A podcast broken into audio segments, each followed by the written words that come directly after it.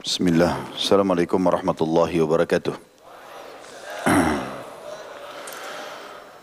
Alhamdulillah. Tidak pernah berhenti lisan kita memuji sang pencipta Allah. Kalimat Alhamdulillah adalah kalimat yang selalu difahami dan dikejar oleh setiap muslim.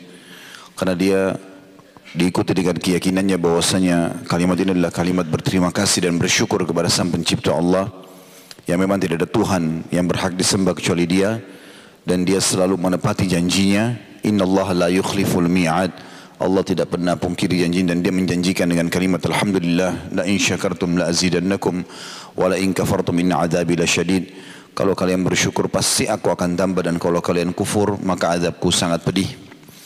Dan jadi kita panjatkan salam hormat kita kepada manusia terbaik manusia yang telah Allah pilih langsung untuk menutup risalah langit. Tidak lagi nabi dan rasul setelahnya orang yang paling layak menjadi suri tauladan telah sukses menjadi seorang guru murid. Karena pernah belajar dari Jibril alaihissalam menjadi seorang ayah menjadi anak menjadi suami dan menjadi semua prestasi yang dikejar selama di dunia. Seorang pakar ekonom, pakar politik dan semua prestasi dunia diraih. Dan tentu kalau kita menjadikannya sebagai suri tauladan maka buah tidak akan jauh dari pohonnya serta mengucapkan satu kali salam hormat kepadanya dibalas oleh Allah dengan sepuluh kali tambahan rahmat. Andai saja Allah balik dengan mengucapkan sepuluh kali salam hormat kepadanya diberikan satu rahmat saja sudah cukup apalagi dengan satu kali salam dibalas dengan sepuluh kali rahmat maka sangat wajar kalau kita selalu mengucapkan juga salawat dan taslim kepada Nabi besar Muhammad sallallahu wa ala wa wasallam. Melanjutkan bedah buku kita Mukhtasar Minhajul Qasidin meraih kebahagiaan hakiki sesuai dengan tuntunan ilahi yang ditulis oleh Al-Imam Ibn Qudam Al-Maqdisi rahimahullah dan kita masuk ke bab baru pada kesempatan ini yaitu bab adab-adab pencari ilmu, pengajar dan penyakit-penyakit ilmu berikut keterangan tentang ulama su dan ulama akhirat.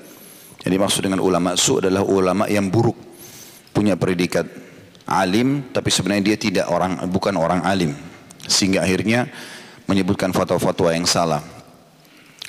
Insya Allah kemungkinan bab ini kita akan bagi menjadi dua pertemuan. Artinya kali ini dengan pertemuan akan datang karena cukup panjang babnya. Tapi dalam pembukaannya teman-teman sekalian, masih banyak di antara kaum muslimin belum memahami tentang makna dan kedudukan ilmu itu sendiri. Kita ini sangat butuh dengan ilmu, terutama ilmu agama. Jangan pernah teman-teman menanamkan dalam diri dan benaknya kalau ilmu ini sesuatu yang sepele. Ya, kapan saya ada waktu saya dengar ceramah? Kapan saya mau? Kapan saya diajak? Kapan saya lagi mood? Itu semua waswas syaitan. Kata para ulama, kita butuh dengan ilmu agama ini lebih butuh daripada makanan pada saat kita lapar lebih butuh kepada air daripada saat pada saat kita haus. Lebih butuh dari tempat tidur pada saat kita sedang ngantuk. Lebih butuh daripada obat pada saat kita sedang sakit. Ilmu lebih dibutuhkan. Kok bisa? Karena memang dengan ilmu kita jadi mengontrol makanan mana, minuman mana, pendapatan mana, obat mana yang boleh kita konsumsi dan mana yang tidak boleh. Berarti dia lebih penting dari semua itu. Bahkan pergaulan juga sama. Agama ini atau ilmu agama ini seperti bodyguard. Jadi orang sosok yang akan membela kita. Setiap kali kita mau melangkah, dia akan ingatkan. Seperti penasehat. Lakukanlah itu. Itu halal. Jangan lakukan karena itu haram. Orang yang berilmu itu terkontrol sekali. Dia kalau mau apa-apa pasti dia akan seperti bertanya dengan ilmunya sendiri. Boleh nggak sih? Dan dia akan dapatkan jawaban dari ilmu yang ada dalam hatinya itu, jangan atau kerjakan. Dan itu sangat mahal. Makanya para ulama itu punya kedudukan yang sangat tinggi dalam agama kita. Sudah pernah kita sebutkan banyak hadis-hadis di awal-awal bab kita dulu. Cukuplah hadis yang mulia kata Nabi SAW Al-ulama warathatul anbiya Ulama itu pewarisnya para nabi Jadi kalau orang hidup berhadapan dengan Nabi seperti Nabi Muhammad SAW misalnya tentu dia akan bahagia. Para sahabat sangat bahagia. dan mereka berlumba-lumba bertetangga dengan Nabi SAW. Setiap hari mereka datang ke masjid biar tidak tidak interaksi langsung melihat Nabi saya sudah sebuah kebahagiaan. Jadi sebuah kebahagiaan tersendiri apalagi kalau sampai ngobrol, apalagi sampai memenuhi hajatnya Nabi SAW, apalagi sampai bertanya, apalagi sampai Nabi jenguk dia pada saat sakit atau Nabi datang ke rumahnya itu sebuah kemuliaan yang luar biasa. Tapi para Nabi punya masa di mana mereka meninggal.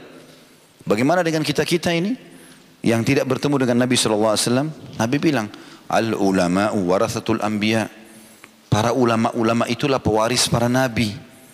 Dekati mereka, datang kepada mereka, belajar dengan mereka. Ilmu itu teman-teman harus didatangi. Selalu kita dimanjakan, kita yang berharap didatangi. Kalau ada pengajian dekat rumah saya baru saya mau hadir. Kalau di sana di Pelindo jauh, ya. Atau di sana masjid itu jauh, macet, Baik, kalau antum mau tunggu berhenti macet kapan? Kalau antum mau tunggu kapan ada waktu, kapan lagi sehat, kapan lagi mau itu akan sulit. Tidak akan bertemu antara kita mendapatkan ilmu yang bermanfaat dengan pendeknya masa dan perhitungnya terhadap harta dan waktu. Gak bisa. Memang kita harus luangkan waktu untuk itu. Sampai nanti pada tingkat kita diberikan oleh Allah subhanahu wa ta'ala ilmu pengetahuan yang kita juga nyaman. Kita akan bisa mengontrol diri kita dengan ilmu tersebut dan juga kita bisa ajarkan kepada orang lain terlebih lagi.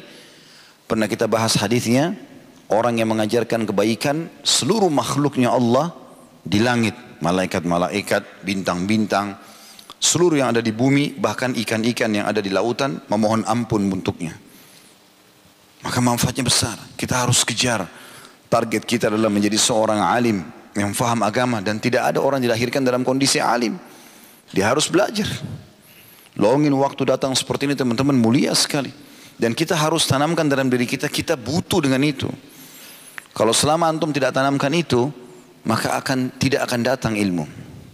Ilmu itu kata ulama makin sering diulangi, maka makin berbekas. Tapi kalau sekali dipelajari lalu ditinggalkan sekian lama, maka dia akan hilang. Bahkan lebih cepat daripada unta yang lari di padang pasir. Kita bisa lupa.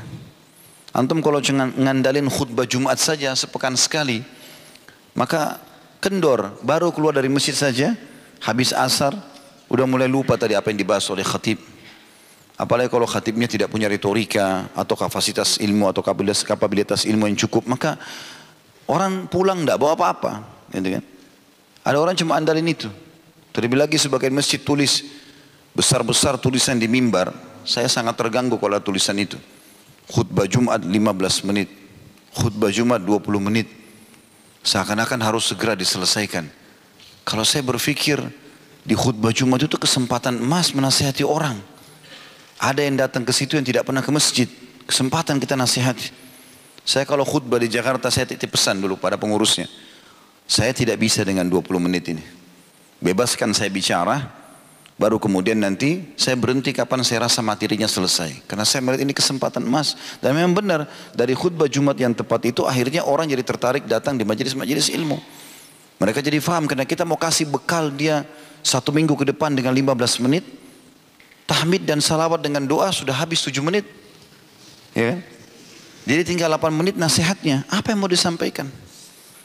Hadis dengan terjemahannya, kita butuh kisah-kisah orang saleh, pembakar semangat, membuat orang bangun tengah malam pada saat dia dengar ceramah.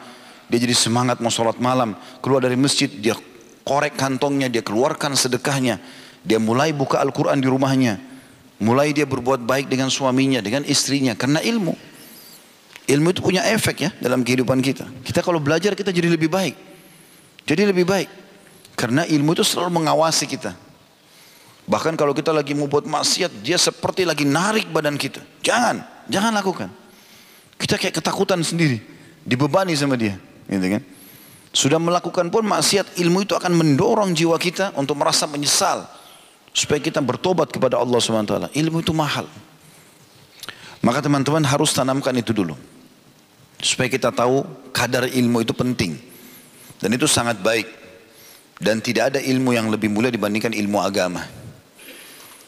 Ilmu agama ini wajib dituntut, wajib bukan pilihan. Kalau ilmu umum itu sunnah. Tapi ini tidak bisa.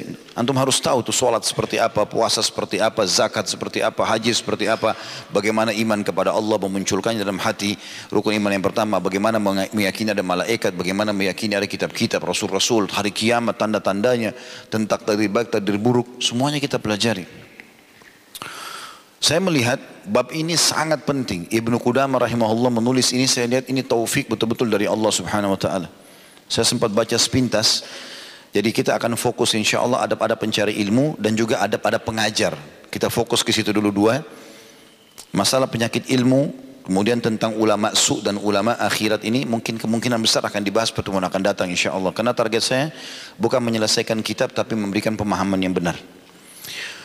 Kita mulai teman-teman dengan masalah pencari ilmu dulu. Saya dan antum ini pencari ilmu. Apa sih yang harus kita lakukan? wasiat yang sangat baik dari Ibnu Qudamah rahimahullah. Beliau mengatakan, pencari ilmu hendaklah mendahulukan kebersihan jiwa dari akhlak-akhlak tercela dan sifat-sifat buruk karena ilmu adalah ibadah hati. Antum datang bukan untuk seremoni, ngeramein majelis, bukan testimoni, mau coba-coba, bagus nggak sih? Gitu. Atau karena ini teman saya ajak nggak enak, oh ini atasan saya nggak enak, enggak. Bersihkan dulu hati dari semua itu. Memang saya datang karena saya butuh. Itu. Antum butuh. Kalau butuh itu teman-teman, biar antum dulu dua jam, tiga jam nggak jenuh. Karena kita rasa haus. Apalagi nih, apalagi nih. Kalau antum biasakan itu nanti sampai pada tingkat para penghaus ya, maksudnya pencari ilmu ini sangat haus sampai pada tingkat dia bisa begadang untuk baca buku. Dia terus tanya, majelis ini di mana? Majelis saya tahu beberapa ikhwah di Jakarta seharian tuh pindah dari majelis mungkin dari satu majelis ke majelis mungkin bisa empat lima majelis dia hadir dalam sehari. Sudah ketagihan dengan majelis ilmu itu. Apalagi ini informasi baru apalagi seperti itu. Bahkan kadang-kadang mereka hadir di majelis yang mereka sudah tahu itu bahasan sudah ditahu mungkin dia sudah pernah dengar demi untuk menanamkan dan membuat ilmu itu lebih tersih, lebih tertanam dalam hati, maka dia mengulanginya minimal mendapatkan keutamaan majlis ilmu itu sendiri. Kata beliau di paragraf selanjutnya, bagi teman-teman pegang buku ini di halaman 31 saya baca ya. Dia harus memutuskan hubungan-hubungan yang menyibukkannya. Karena bila konsentrasi sudah bercabang, ia tidak sanggup mengetahui hakikat ilmu itu. Maksudnya lowongkan waktu. Antum tentukan.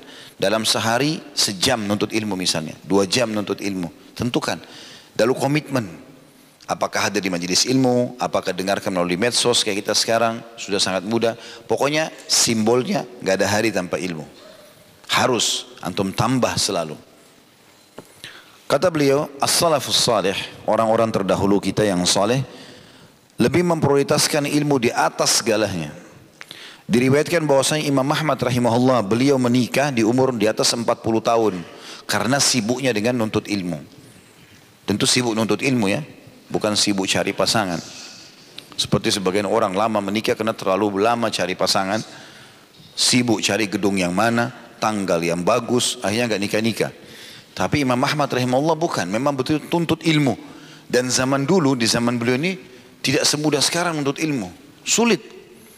Karena kadang-kadang untuk mengambil hadis Imam Ahmad dalam sebuah riwayat dikatakan per, dalam sebuah kisah beliau, itu pernah jalan satu bulan naik keledai ke ujung wilayah Irak, Kembali lagi satu bulan hanya untuk mendengar sebuah hadis saja di sana. Sebuah hadis. Kita sekarang ketik Google mau cari hadis apa pun kita bisa baca.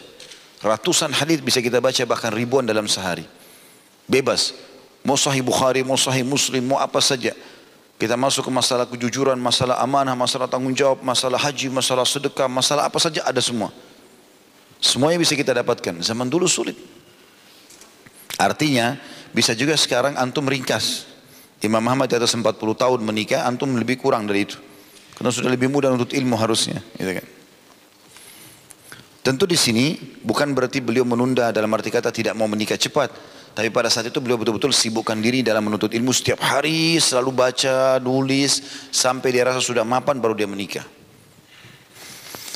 Juga seorang budak wanita dihadiahkan kepada seorang salaf yang bernama Abu Bakar bin Al-Ambari Manakala dia masuk kepadanya, budak wanita itu malu masuk, fikirannya tertuju kepada sebuah masalah, ada masalah fikih yang dia mau pecahkan, namun dia gagal menemukan jawaban dari masalah tersebut.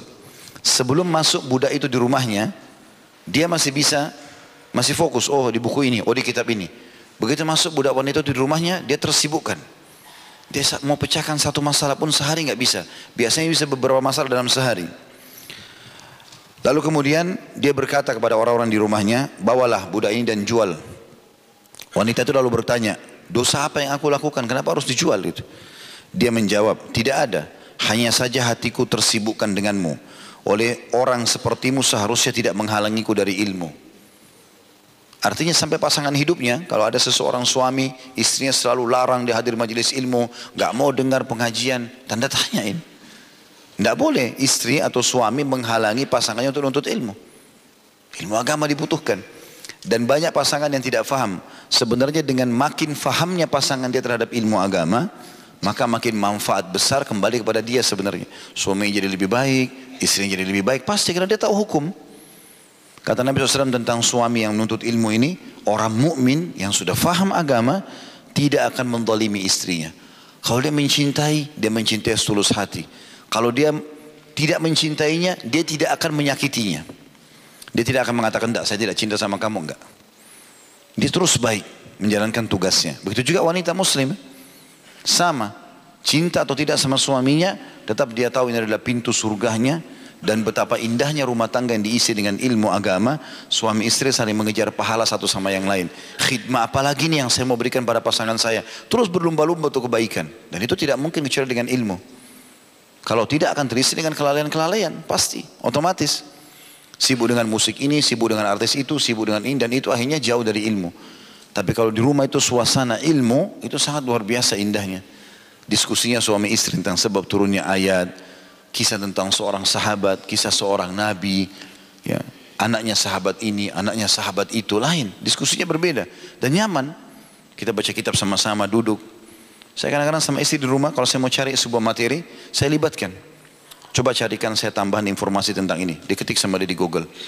Ini datanya, sambil saya tulis, bacain. Saya sengaja sibukkan. Akhirnya dia juga jadi baca gitu kan. Tapi suasana itu hidup di rumah. Gitu kan? Ada suasana itu karena ilmu yang kita hidupkan berbeda. Cahaya yang sangat terang di rumah itu kelihatan. Seperti itulah. Pencari ilmu, kata beliau selanjutnya, patut menyerahkan kendali dirinya kepada gurunya. Seperti orang sakit yang memasrahkan dirinya kepada seorang dokter. Ini pesan mulia ini. Artinya, dia kalau mau belajar, teman-teman mau belajar. Saya sama antum kalau mau belajar, kita datang kepada seorang alim, maka kita seperti pasien yang siap diobati oleh dokter. Jadi antum datang, buka hati, buka pikiran, terima masukannya. Gitu kan? Jangan masuk ke dalam majelis sudah membawa benteng-benteng yang tebal untuk mengkanter dan menolak apa yang disampaikan oleh gurunya. Maka orang seperti ini tidak masuk ilmunya. Begitu dia dengarkan satu statement, satu hadis, satu ayat, kayaknya nggak seperti itu, kayaknya nggak seperti ini, tolak, maka nggak ada ilmu yang masuk. Ini wasiat yang sangat penting dari Ibnu Qudama. Ini sudah ratusan tahun yang lalu meninggal rahimahullah. Dan beliau seorang ulama besar. Beliau mengatakan saya lagi pencari ilmu patut menyerahkan kendali dirinya kepada gurunya seperti orang sakit yang memasrahkan dirinya kepada seorang dokter. Kemudian bertawadu kepadanya. Merendah di hadapan gurunya dan berusaha berkhidmat kepadanya semaksimal mungkin. Dia tunjukkan loyalitasnya. Jadi memang ilmu itu teman-teman tidak bisa didapat dalam satu hari. Tidak bisa. Kita akan bisa meraih ilmu dari seseorang sampai orang itu mati. Para salafus saleh kalau belajar dengan gurunya sampai gurunya mati. Tetap dia jadi muridnya. Imam Ahmad rahimahullah itu dikenal sebagai muridnya Imam Syafi'i. Kenapa dikenal sebagai murid? Apakah berarti Imam Ahmad fokus belajar sama Imam Syafi'i? Ternyata tidak. Imam Ahmad ini juga seorang alim ulama. Alim, gitu kan? Tapi dia suka mendengar kata-kata hikmah dari Imam Syafi'i rahimahullah. Dia ajak Yahya bin Ma'in temannya dan beberapa teman-teman yang lain. Dia bilang ayo kita hadir di majelisnya orang Quraisy itu. Maksudnya Imam Syafi'i. Karena dia memiliki kata-kata hikmah yang sangat bagus. Dan Imam, Imam Syafi'i mengatakan kepada Imam Ahmad yang hadir di majelisnya. Dia mengatakan, Hai Ahmad, engkau lebih faham daripada kami dalam ilmu hadis. Kalau ada sesuatu yang sampai padamu belum sampai kepada kami, maka sampaikanlah kepada kami. Imam Syafi'i pun menganggap Imam Ahmad itu sebenarnya sebenarnya seperti guru dia juga. Mereka saling menghormati, gitu kan? Seperti itu. Ibnu Abbas radhiyallahu anhu memegang pijakan pelana tunggangan Zaid bin Thabit radhiyallahu anhu sambil berkata, seperti inilah kita diperintahkan untuk uh, melakukan atau memperlakukan para ulama kita. Hormati mereka. Ya. Kita harus meluangkan waktu teman-teman belajar sampai guru kita mati. Ambil ilmunya semua. Dan nanti akan ada beberapa pesan yang lain yang harus kita jaga juga di sini sampai kalau Ibnu Qudamah rahimahullah. Tapi di antaranya adalah memberikan penghormatan. Tapi di sini kita bukan gulu bukan berlebih-lebihan. Menghormati dan berkata sebatas manusiawi tidak berlebih-lebihan dalam melakukan perbuatan ini. Karena kalau gulu berlebih-lebihan juga terlalu mengkultus gurunya sehingga akhirnya gurunya tidak ada salahnya sama sekali gitu kan? Lalu kemudian sampai pada tingkat semuanya dianggap berkah dari gurunya apa pun itu maka ini juga jadi masalah ini gitu kan? Kata Nabi SAW iyakum wal gulu. Hati-hati dengan gulu. Fa innahu ahlaka man kana qablakum. Karena gulu itu berlebihan dia yang telah memusnahkan orang-orang sebelum kalian. Dan kata Nabi SAW la taturni kama atratin nasara ibnu maryam. Inna ma'ana Abdullahi wa Rasuluh Fakulu Abdullahi wa Rasuluh. Jangan kalian puji-puji aku melampaui batas. Ini Nabi bilang Untuk para sahabat dan umatnya Padahal beliau guru kita semua. Gitu kan? Sallallahu alaihi wasallam. Maka kata beliau jangan kalian puji-puji aku melampaui batas seperti Nasrani memuji Isa. Awalnya orang-orang Nasrani itu di fase kehidupan Nabi Isa menganggap Isa adalah Nabi Allah. Tapi kenapa mereka berlebihan sampai pada tingkat akhir mengatakan anak Tuhan. Seperti itulah. Saya adalah hamba dan rasulnya. Maka ucapkan Abdullahi wa Rasuluh. Atau hamba Allah dan utusannya. Kata beliau, bila seorang pencari ilmu menyombongkan diri untuk mengambil ilmu dari orang yang belum orang yang belum memiliki ketenaran, ketenaran, keunggulan dan berbagai kelebihan, maka dia adalah orang yang bodoh. Karena hikmah adalah barang hilang dari seorang mukmin. Di mana pun dia menemukannya, maka sepatutnya dia mengambilnya. Maksudnya adalah belajar tidak harus orang itu terkenal baru mau belajar dari dia. Tapi lihat kalau orang itu berilmu, datang belajar sama dia. Mau muridnya banyak, muridnya sedikit, yang penting dia berilmu, datang belajar sama dia. Kita bukan lihat fisik penuntut ilmu. Kita bukan lihat paras wajah. Kita bukan lihat penampilannya. Kalau Allah gabungkan antara ilmu dengan semua itu Masya Allah. Tapi kalau enggak, maka enggak perlu. Disebutkan salah satu ahli hadis ya. Sehingga saya kisah Al-A'mash itu julukan nama beliau Sulaiman bin Mahran. Beliau itu kalau menyampaikan ilmu itu dikatakan dalam kisahnya sering kali ludahnya terlempar. Kalau ngomong ada sedikit masalah gitu kan. Tapi subhanallah murid-muridnya tetap menulis dari dia walaupun dia mereka harus terkena dengan ludah-ludah itu. Artinya mereka bukan lihat fisiknya, mereka lihat ilmu yang disampaikan. Ada seseorang dari Mesir datang ke dalam sebuah majlis ahli hadis di Irak. Pas dia datang, dia tunggu habis sholat. Ada penyampaian enggak? Ternyata enggak ada. Dia tanya murid-muridnya, kenapa enggak ada pengajian? Kata muridnya, guru kami marah kepada kami. Rupanya ada yang buat masalah. Beliau marah dan beliau bersumpah atas sama Allah sebulan enggak mau ngajar. Begitu zaman dulu tuh, gurunya ngambek sebulan demi Allah saya enggak mau ajar kalian. Kata orang ini, saya jauh-jauh dari Mesir datang. Saya butuh ilmu. Nggak mungkin saya tunggu sebulan. Lalu dia cari jalan, dia kenalan sama syekhnya, dia sampaikan kalau dia dari Mesir datang, dia bilang, Syekh, saya mau belajar ilmu. Enggak, saya sudah sumpah tidak akan ngajar sebulan. Baik. Kalau begitu Syekh, izinkan saya antar anda ke rumah. Kata dia, baik, silakan. Diantarlah pakai zaman dulu, pakai unta. Nggak ada kayak mobil kayak kita sekarang. Lalu dia sengaja sesatkan jalan gurunya, gitu kan jauh di padang pasir sambil diajak ngobrol terus gurunya tanya ada di mana sekarang kita? Dia bilang syekh di padang pasir. Kata syekhnya kenapa kau buat jalan ke sini? Dia bilang saya akan antar anda pulang kalau anda menyebutkan kepada saya 100 hadis. Minta 100 hadis. Tapi nanti jangan ada yang sesatin saya sebentar ya. Kalau sekarang sudah ada handphone bisa pandu ya. Akhirnya Syekhnya bilang tidak, saya tidak mau. Dia bilang kalau gitu Syekh, Anda tidak tahu jalan ini. Saya akan tetap tahan di sini sampai Anda ngajar. Kata Syekhnya baiklah, tulis hadis pertama, ditulis hadis pertama, hadis kedua sampai 100 hadis. Setelah 100 hadis, diantar syekhnya pulang. Tapi ini orang cerdas dia.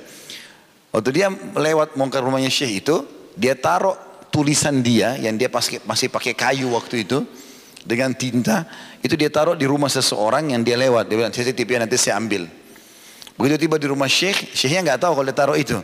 Lalu syekhnya mengatakan, tangkap orang ini. Dia sudah mencuri ilmu dari saya. Hmm. Maka kata dia, syekh, saya sudah letakkan di suatu tempat tidak ada yang tahu. Maka ilmu itu sudah saya ambil. Gitu kan. Artinya teman-teman begitu luar biasanya mereka mau menuntut ilmu gitu kan. Pada saat itu. Jadi ilmu itu sebuah hikmah yang hilang dari seorang mukmin dan dia belajar dari siapa saja yang kira-kira memang orang itu punya kapabilitas di bidangnya. Ya, tentu kita juga tidak boleh nanti kita belajar di bab yang itu di dalam bahasan kita kan ada ulama su, ada juga orang yang cuma gelarnya saja alim. Tapi seperti gentong kosong, nggak ada ilmu.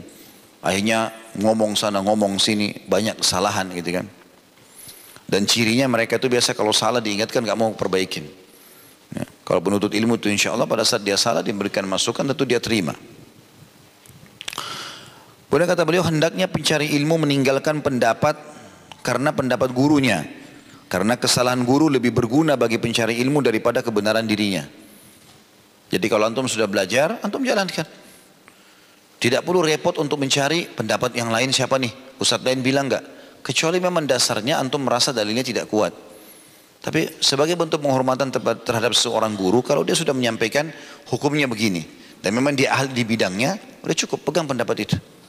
Tidak perlu kita sengaja mencari-cari pendapat lain yang akhirnya membuat ya, kita menyalahkan guru kita itu. Tapi kalau satu waktu kita menemukan memang ada pendapat yang lebih kuat, boleh kita perbaiki tentunya. Tidak ada masalah. Tapi ada orang memang penuntut ilmu, dia mengatakan dirinya penuntut ilmu, tapi sebenarnya dia jauh dari sifat penuntut ilmu, sibuk hanya mencari kesalahan saja. Sengaja tanya ke ustadz ini, saya tanya ke kiai itu, saya tanya syekh ini, hanya untuk melemparkan pendapat itu kepada guru yang lain. Syekh sana bilang begini, syekh ini bilang begini, dan akhirnya pecahlah kedua syekh itu. Ya, sering kali terjadi begitu di Timur Tengah. Di Indonesia pun terjadi. Kemarin Ustadz itu bilang begini, sudah tahu belum Ustadz? Ustadz yang itu bilang begini. Dia sibuk membuat pertikaian dan terj yang terjadi di antara para ulama. Itu nggak boleh. Itu nggak benar semuanya. Antum menuntut ilmu atau memang sengaja membuat pertikaian ini? Tanda tanya kalau seperti itu ya. Ini nasihat Ibnu Qudamah rahimahullah. Lalu beliau mengangkat statement Ali bin Abi Thalib. Sekali lagi ini statement Ali bin Abi Thalib. Bukan dari saya, bukan dari Ibnu Qudamah bahkan rahimahullah tapi dari Ali sahabat Nabi yang mulia radhiyallahu beliau mengatakan begini wasiat untuk para penuntut ilmu. Sesungguhnya di antara hak seorang ulama atasmu wahai para penuntut ilmu adalah hendaknya kamu mengucapkan salam kepada hadirin secara umum dan menghususkannya dengan penghormatan. Artinya kita ucapkan salam assalamualaikum warahmatullahi kepada umumnya orang tapi kepada dia kita mengatakan pribadi assalamualaikum. Jadi contoh saja Pengucapan salam kepada dia bentuk penghormatannya adalah kata Ali bin Thalib engkau sendirikan salamnya. Walaupun kau sudah salam secara umum. Dan lalu duduk di depannya. Jangan menunjuk di depannya dengan tanganmu. Jangan memberi isyarat dengan matamu. Jangan banyak bertanya kepadanya. Ini tiga hal perlu digarisbawahi ya. Jadi jangan menunjuk di depannya dengan tanganmu. Tunjuk-tunjuk wajahnya. Ya. Tunjuk wajah. Ini sering saya temukan ada orang begitu tuh. Baru punya, baru belajar, sudah belajar, beberapa saat dia belajar, kemudian dia hadir di pengajian lain, dia rasa dia lebih punya ilmu dari gurunya, mulai datang nunjuk-nunjuk. Anda itu salah, kamu salah. Lalu ribut di medsos, seakan-akan dia sudah alim ulama. Orang seperti ini tidak akan ada berkah ilmunya. Salah satu ciri penuntut ilmu yang benar, tenang, tidak mudah membuat pertikaian, ada pendapat yang dirasa kurang baik, dia tinggal tinggalkan. Dia bisa berikan masukan, dia berikan masukan. Tidak bisa ya sudah. Seperti itulah. Ya. Ada pernah seorang ikhwah berbuat salah. Saya nasihati dia. Gak boleh begini-begini. Subhanallah, saya kaget tiba-tiba dia tunjuk wajah saya. Saya bukan mengaku seorang alim, anggap seorang muslim dengan muslim yang lain. Tapi dia tunjuk-tunjuk. Tapi saya biasa saja, baiklah. Yang penting sudah saya berikan masukan, oke, okay, saya tinggalkan saja. Tapi aneh kenapa tidak terima dan kenapa harus menunjuk ke orang? Menunjuk seorang muslimnya tidak boleh gitu kan? Itu umumnya. Kemudian dikatakan juga yang kedua tadi pesannya Jangan berikan isyarat dengan matamu seakan-akan melotot atau marah atau memberikan isyarat dengan mata suruh masuk, suruh keluar gurunya. Tidak sopan kepada dia. Ini pesan Ali bin Abi Thalib. Jangan banyak bertanya kepadanya, maksudnya bertanya hal-hal yang berhubungan dengan bukan ilmu, bukan ilmu. Misal antum tanya tentang istrinya, tentang anaknya, tentang apa, nggak perlu. Antum sama guru hanya belajar agama, itu saja. Kalau darurat, ada hal yang kita mau antar ke rumahnya, ya. Tapi untuk cari tahu semuanya, karena tidak semua orang juga suka diketahui rahasianya. Mungkin pada saat bertanya istrinya mana Ustaz? Mungkin dia baru cerai sama istrinya. Kita nggak tahu, kan dia nggak enak gitu kan. Atau mungkin antum tanya, bagaimana Ustaz? Anaknya sudah berapa? Mungkin dia termasuk orang tidak punya anak. Saya bertemu dengan beberapa dai, diuji sama Allah nggak ada anaknya. Sehingga memang saya kadang-kadang kalau bicara saya jaga pada saat bertemu dengan beliau-beliau untuk tidak membicarakan masalah anak. Karena pasti ada perasaan yang tersentuh kan gitu. Jadi tanya, yang di sini yang dimaksud jangan banyak bertanya artinya hal-hal yang berhubungan dengan pribadinya dia. Kalau berhubungan dengan masalah ilmu silakan. Itu pun ulama membatasi mengatakan tanyakan pada waktu yang tepat pada gurumu. Jadi kita tanya, boleh nggak saya bertanya? Kalau dia mengatakan iya silakan sudah. Saya pernah subhanallah mengejar seorang syekh di Masjid Nabawi. Waktu itu kebetulan saya masih baru belajar di Madinah. Saya lihat di majelis karena kertas yang kita kasih tidak semua dibaca. Umumnya di majelis ilmu karena banyak yang pertanyaan masuk. Saya lihat beliau keluar mau kamar mandi antara maghrib isya menjelang isya. Dan beliau seperti orang buru-buru lalu saya kejar. Syekh saya ada pertanyaan. Dia kasih isyarat. Seperti memang dia buru-buru ke kamar mandi. Dia nggak bisa. Ya sudah saya tinggalkan. Tidak usah kita ngotot, langsung kita mengatakan, oh ini syekh menyembunyikan ilmunya nih. Atau orang ini nggak mau ngajar, nggak mau jawab, sombong, apalah segala macam. Mungkin orang kebelet buang air besar. Mungkin mau buang air kecil. Kan manusia juga kan gitu. Kita nggak tahu. Ada sebagian ulama yang mau didatangi rumahnya. Saya tahu sebagian ulama di Madinah yang kami pernah berziarah ke rumahnya. Memang dia suka banyak orang datang ke rumahnya. Ada juga dari mereka tidak suka didatangi rumahnya. Syekh saya ingin bertanya, bisa nggak ketemu? Baik, temui saya di masjid di sini. Dia nggak bilang silakan ke rumah saya. Oh kita sudah harus paham. Mungkin di rumahnya tidak layak atau dia merasa tidak layak didatangi tamu. Mungkin ada masalah dengan istrinya. Kita tidak tahu. Maka tidak boleh kita ngotot gitu ya. Ini contoh-contoh saja. Lalu kata beliau, jangan juga membantunya menjawab. Kalau orang tanya, biarin dia yang jawab. Jangan syekhnya atau gurunya lagi bicara lalu kemudian dia putus. Benar tuh saya juga baca di buku ini begini begini dia juga tunjukin. Padahal bukan dia yang ditanya. Sok pintar. Nah. Kemudian jangan merajuknya bila dia sedang malas. Jangan salahkan dia. Mungkin dia punya alasan. Oh itu kan syekh, itu ustadz. Kenapa enggak sholat subuh di masjid? Mungkin dia punya udur. Kata Nabi SAW kepada para seorang sahabat yang gelisah menunggu temannya telat dan seakan-akan nanti khawatir dia sangka buruk karena Nabi mengatakan iltamis di akhika udra. Carikan alasan baik untuk saudaramu. Mungkin memang dia sakit. Mungkin pas dia mau sholat dia kebelet. Kita nggak tahu. Karena Nabi SAW mengatakan dan jangan kalian sholat dengan menahan dua keburukan. Buang air besar dan buang air kecil hari Jumat pun antum pas sudah khutbah kedua perutnya mules masuk ke kamar mandi. Antum nggak bisa keluar. Maaf, mohon maaf. Misal mencret. Lalu masuk kamar mandi. Orang antum keluar kamar mandi sudah selesai sholat jumat. Gak berdosa. Karena itu udur. Tidak boleh. Antum sholat duhur setelah itu. Ini contoh saja ya. Kalau sudah terjadi sampai hal yang sebesar itu gitu. Contoh saja. Jadi jangan sampai kita menilai, oh ini orang malas nih. Padahal mungkin dia punya pertimbangan. Jangan membantahnya bila dia menolak. Ya. Ini juga wasiat Ali radhiyallahu anhu yang sangat mulia. Kalau misalnya kita bilang, datangi ke acara saya, maaf saya belum bisa. Oh, kok nggak bisa? Kenapa teman yang itu didatangi saya nggak didatangi? Iya. Kebanyakan orang subhanallah kalau saya temukan ya guru-guru kami itu kalau makin tinggi ilmunya dia makin tidak banyak bicara. Jadi kalau misalnya saya mengatakan Syekh saya kebetulan ada di Madinah kemungkinan saya akan ketemu ada beberapa yang saya bawain dari Indonesia. Baik Khalid, mungkin lain waktu saja. Sudah saya nggak ngotot. Saya udah tahu kenapa kok dia bilang lain waktu. Berarti memang dia nggak bisa didatangin. Ya sudah, selesai. Saya cuma kasih ke satu orang mahasiswa, tolong ini kalau syekh ini sudah lowong, dikasih saja. Atau betul-betul nanti saya kasih ke orang lain, insya Allah nanti akan datang saya kasih. Ada juga yang tidak. Taib Khalid besok datang ke tempat saya. Saya nggak ngotot itu. Baiklah insya Allah saya usahakan. Walaupun ada aktivitas lain saya lowongin datang. Karena bagi saya duduk sejam dengan ulama sudah cukup. Ya. Mungkin ada hikmah-hikmah yang dia bicarakan, dia sampaikan. Ada kadang-kadang tuguran dia, peringatan pada saat kita lagi makan, lagi minum, gitu-gitu kan. Itu luar biasa.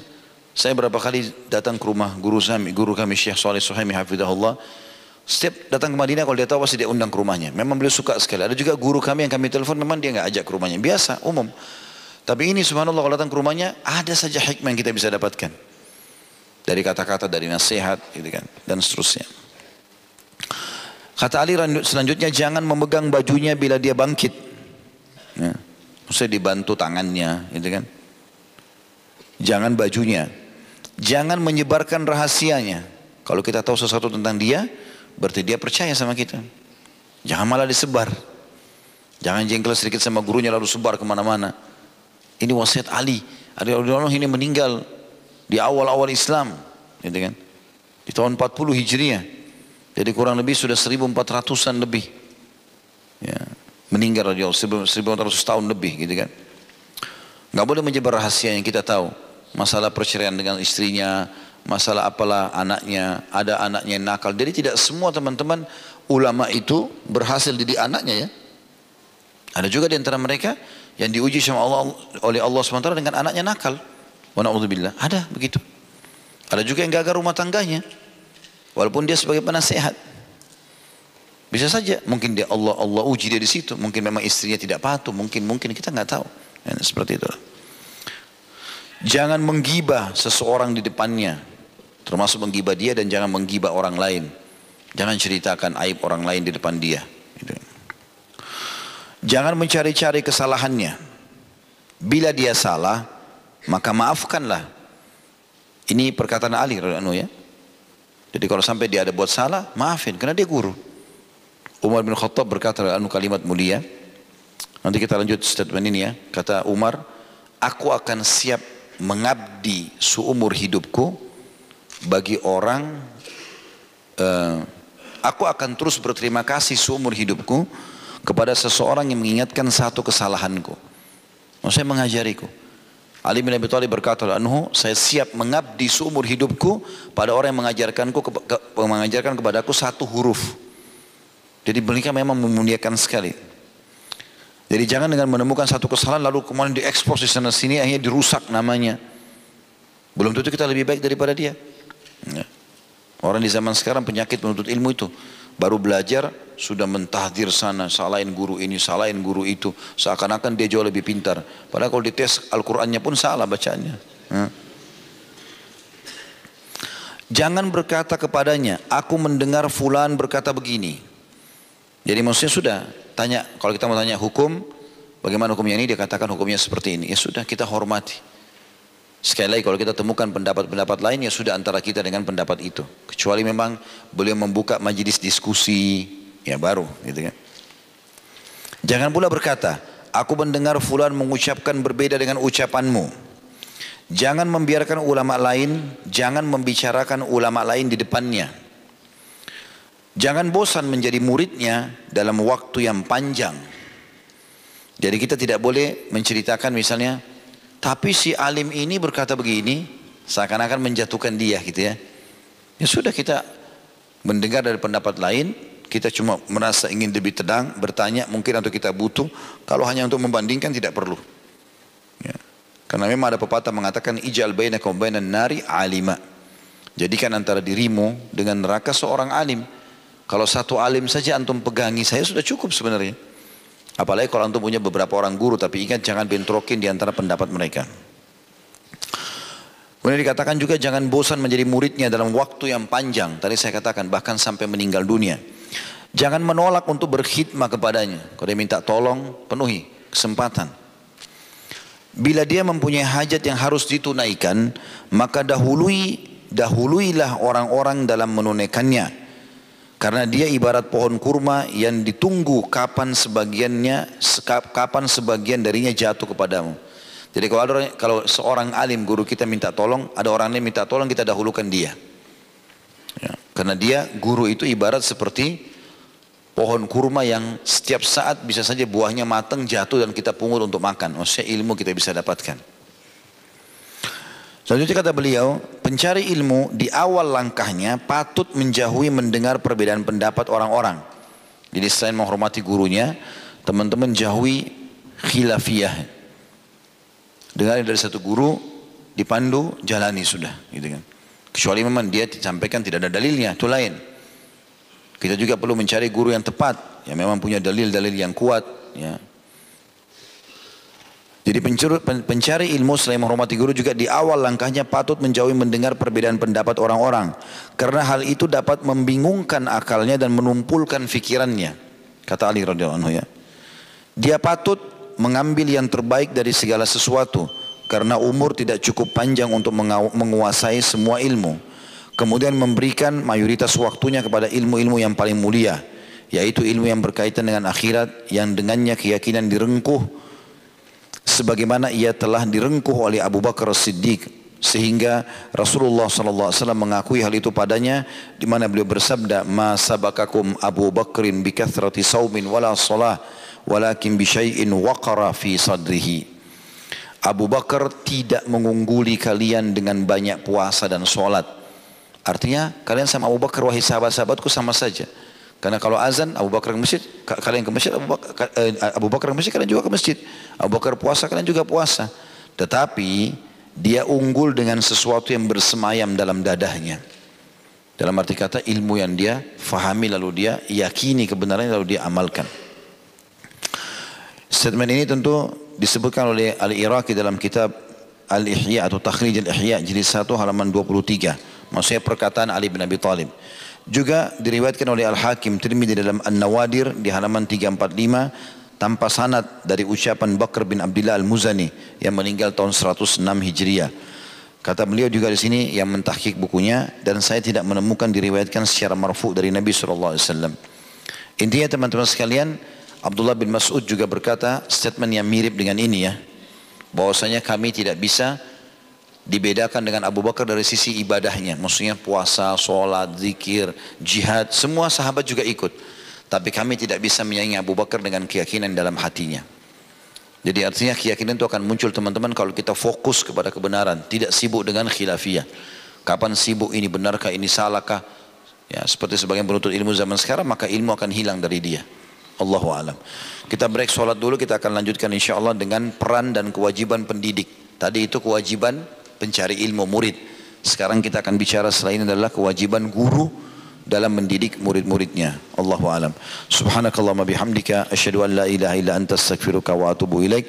Wassalamualaikum warahmatullahi wabarakatuh.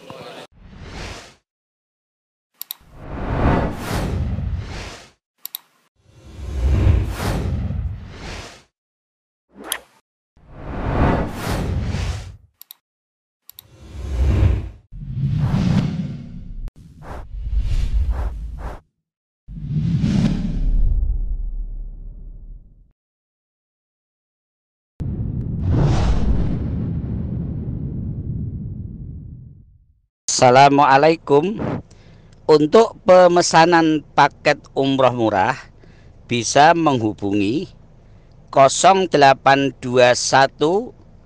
4196 0857 Kami ulangi sekali lagi Untuk pemesanan paket umroh murah Bisa menghubungi 0821 4196 0857 Sekali lagi 0821 4196 0857 Terima kasih